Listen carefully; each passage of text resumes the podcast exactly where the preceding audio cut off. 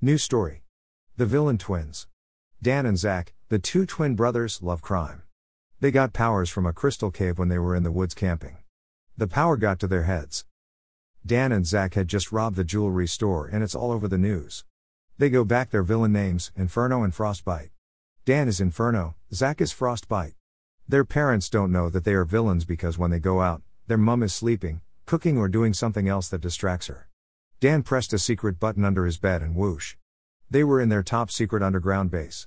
What should we do next, Dan? Or should I say Inferno, ha? said Zach with a huge laugh. I have the perfect idea, and I mean it's perfect. Better than our previous heists in the past, said Dan with an evil grin. Ooh, tell me, tell me. Wait, don't tell me, wait, no, tell me, said Zach excitedly. Calm down, villain bro. I'll tell you, said Dan laughing.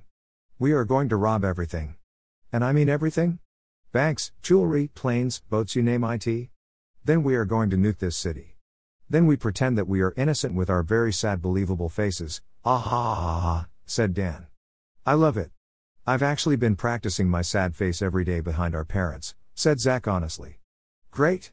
We will call the whole gang. Sea Girl, Star Boy, Void Women, Inferno Girl, and Grassholder, said Dan with a mischievous look on his face. They both started laughing loudly. Boys. Is everything okay? I thought I could hear a girl screaming, said Dan and Zach's dad. Yeah. Everything's splendid, said Zach. I guess he's talking about you, Dan, said Zach laughing. Hey. I do not laugh like a girl, said Dan. We'll get back to that later, said Zach. But for now, let's plan some more, said Zach. What are they going to do? If their parents and loved ones find out, what are they going to say? Find out in our next update.